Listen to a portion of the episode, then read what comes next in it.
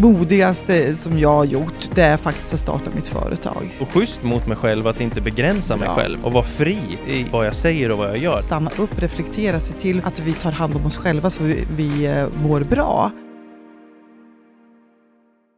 Eh, Det här avsnittet så ska vi ju prata om mod, tänkte vi. Mm.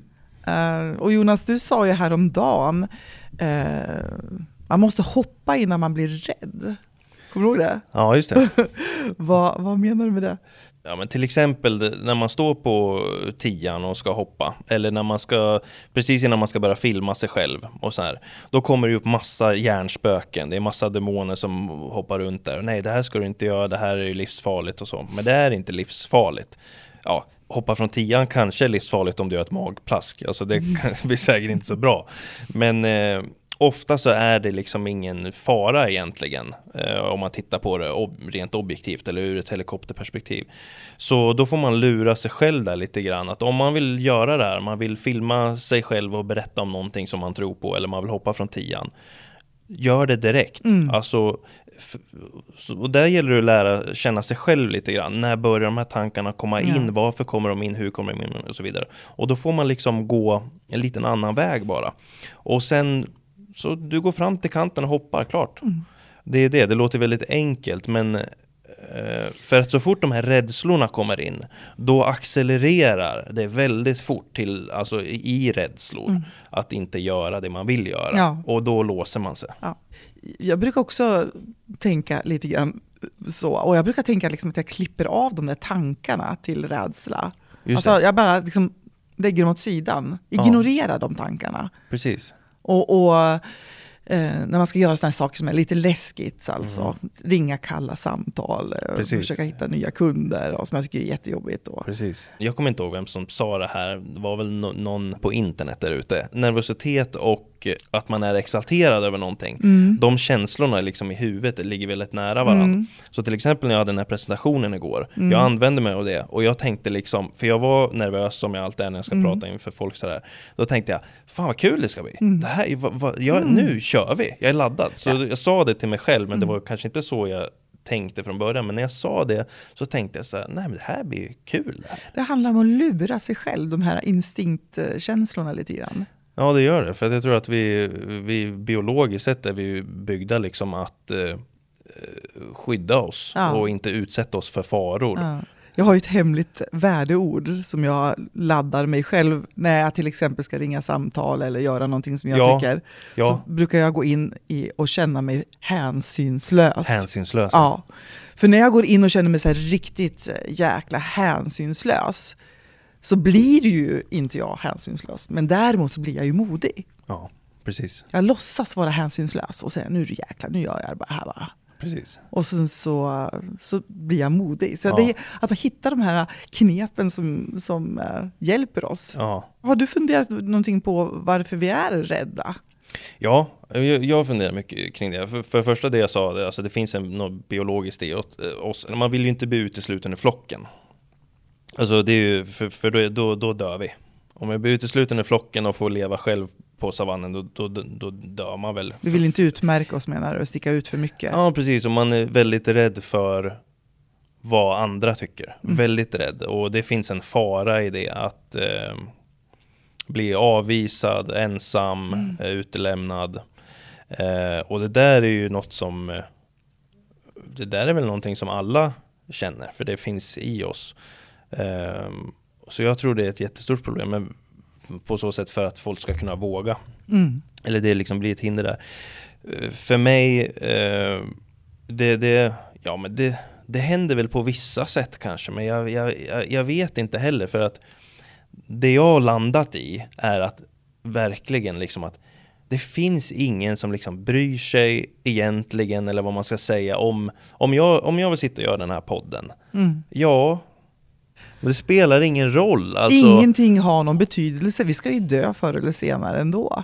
exakt, Typ så. Exakt Eller? så. Ja. Exakt så. Vi ska dö. Då kan, vi Eh, redan, då kan vi testa allt möjligt. Det är bara att testa på, Ja. passa på, njut av det i stunden. Och oftast så har jag också, eller vad jag har märkt, att när man verkligen gör det man vill göra och man kliver fram och man vågar vara sig själv fullt ut. Mm. Då är det där man tror då ska kanske hända att man blir utelämnad. Alltså. Det är oftast tvärtom. Mm. Tvärtom så får man en respekt. Eller hur? Man får, man, folk vill vara Ja. med en, man blir inkluderad. Ja. Så att det man är mest rädd för det är en ren illusion egentligen. Mm. Men Ja. du Jonas, vad, vad är det modigaste du har gjort? Åh, vilken bra fråga. Det modigaste jag har gjort. Jag, jag skulle först vilja säga att det är att jag har gått in i massa nya dörrar och provat massa saker. Eh, men egentligen så är ju inte det jättelångt utanför min comf- com- comfort zone egentligen. Så vad är långt utanför min comfort zone? Kanske vissa sociala saker. Alltså jag är socialt kompetent, men när det blir men när det blir under långa stunder eller ja, det är en utmaning där. Jag kan få jag kan få väldigt mycket ångest efter vissa sociala sammanhang och då blir det ju att man kanske undviker det. Men det, jag fortsatt ändå hela tiden och, och ge mig in i det men ändå försöka vara schysst mot mig själv och, och försöka göra lite mer på mina premisser eller vad Mm. man ska säga. Modigaste jag gjort? Gud vad jag vill kunna ge ett svar på det här.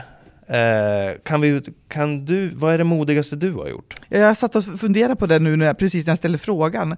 Jag tänkte jag kanske får den tillbaka. ja.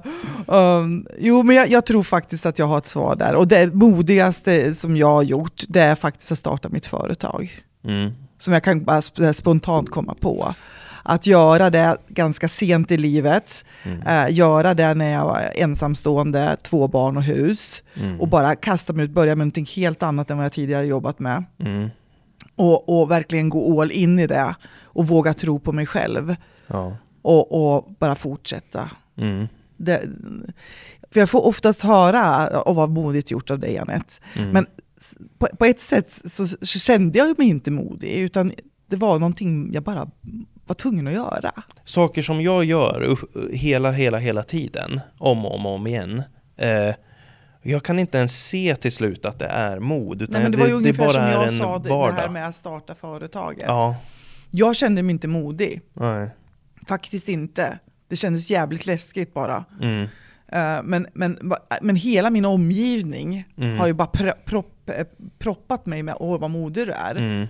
Men jag har ju inte känt mig modig. Mm. Och grejen är väl egentligen att när vi gör det där, känner vi oss modiga egentligen? Utan det handlar väl mer om att utsätta oss, Ja, eller hur? det är sant. Ja, det är inte så att man tänker oj vad modig jag var, utan det är, man vill framåt, man försöker komma framåt Ja. på något sätt. Eh, och man utsätter sig ju på så sätt någon typ av fara kanske. Så det är väl, modet handlar väl om att utsätta sig för fara och läskigheter.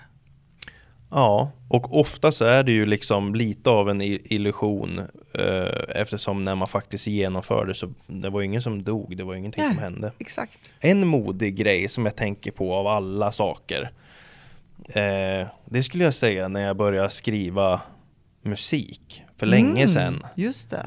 För att det var någonting som bara drog lite i mig. Men det var ju liksom hela den här hiphop-scenen och allting sånt där. Det var så långt ifrån mig. Det var helt främmande värld. Jag, jag, jag visste bara att jag gillade eh, eh Latin Kings och, och det var mycket då man laddade ner sig mp3 på nätet och jag gillade alla de här underground-rapparna som körde sin grej. Och, ja, och sen helt plötsligt så så fick vi möjlighet till en spelning och jag var helt sjukt stressad och nervös över det. Jag förstod inte vad, vad ska jag göra det? Ska jag, vi, var, vi var inte bra, vi, var inte, vi hade precis börjat. Men jag stod ju på den där jävla scenen Mm. sen och genomförde det. Och jag bara gjorde det. Ehm, och på något sätt är väl det mod. Det är kanske inte mod just, eller det, jo det är mod liksom i alla de här delarna. Allt från när man börjar skriva med någon och man säger ja till en spelning, man genomför spelningen och allt det där. Men det är väl just det här att för jag kommer ihåg faktiskt att när vi fick möjlighet till spelningen då höll jag på, jag höll på att balla ur. Alltså jag tänkte så här att men jag gjorde det. Mm. Jag, jag valde att göra det. För att om jag inte gör det så kommer jag ångra mig. Och vad var känslan efteråt när du hade gjort det? Så det var som att jag gick in i en ny värld. För det var ju inte den gamla Mm. Jonas. Mm. Jonas var någonting mer. Det blev ett skifte. Det blev ett skifte, det Mm. blev någonting mer, det blev någonting annorlunda. Det var en pusselbit som lades på plats i det hela stora pusslet. Eh, Och det är ju det är då vi växer, det är då vi utvecklas. Ja. Sånt gör ju jag utan att någon säger att jag ska göra det eller Mm. liksom pushar mig, ja vilken bra idé, eller Mm. kanske, kanske tvärtom till och med. Mm. Eh, Jag vet ju människor har ju skrattat åt när, jag, när man började så man var inte bra och så här. Jag ställde mig ändå på den här scenen, jag har ställt mig på massa scener och, och jag är ändå en person som kan hamna i, in, ganska introverta lägen och eh, efter sådana här stunder kan få mycket ångest och så men man vill ju växa, man vill inte, jag, jag vill inte ångra mig när jag, när jag är 80-90 år, jag vill inte så här Sen, men det kanske handlar om också att hoppa innan du blir rädd. Ja, det är ett sätt att lura sig själv. Men det handlar väl också om att hoppa när man är rädd. Mm. Eh, att våga, att kunna eh, skilja på sin rädsla och vad resultatet kan bli. Mm. Och våga lita på ens intuition kring vad resultatet kan bli. Mm. Och välja den vägen. Mm. Men det handlar väl om att eh, våga, som du sa, gå utanför sin komfortzon och testa. För om vi inte gör det, Mm. om vi gör som vi alltid har gjort, så får vi ju samma resultat som vi alltid har fått. Ja. Och då kan vi ju inte sitta och vara frustrerade över att det inte händer någonting nytt. ja, precis. Utan då, då måste vi ju testa. Som sagt, vill vi ha ett nytt resultat i vårt liv? Gå utanför komfortzonen så händer någonting nytt. Verkligen. Oftast till det bättre. Precis. Och blir det någonting tokigt så lär vi oss någonting av det också. Och hur vi kan göra för att våga är att hoppa innan man blir rädd. Bra.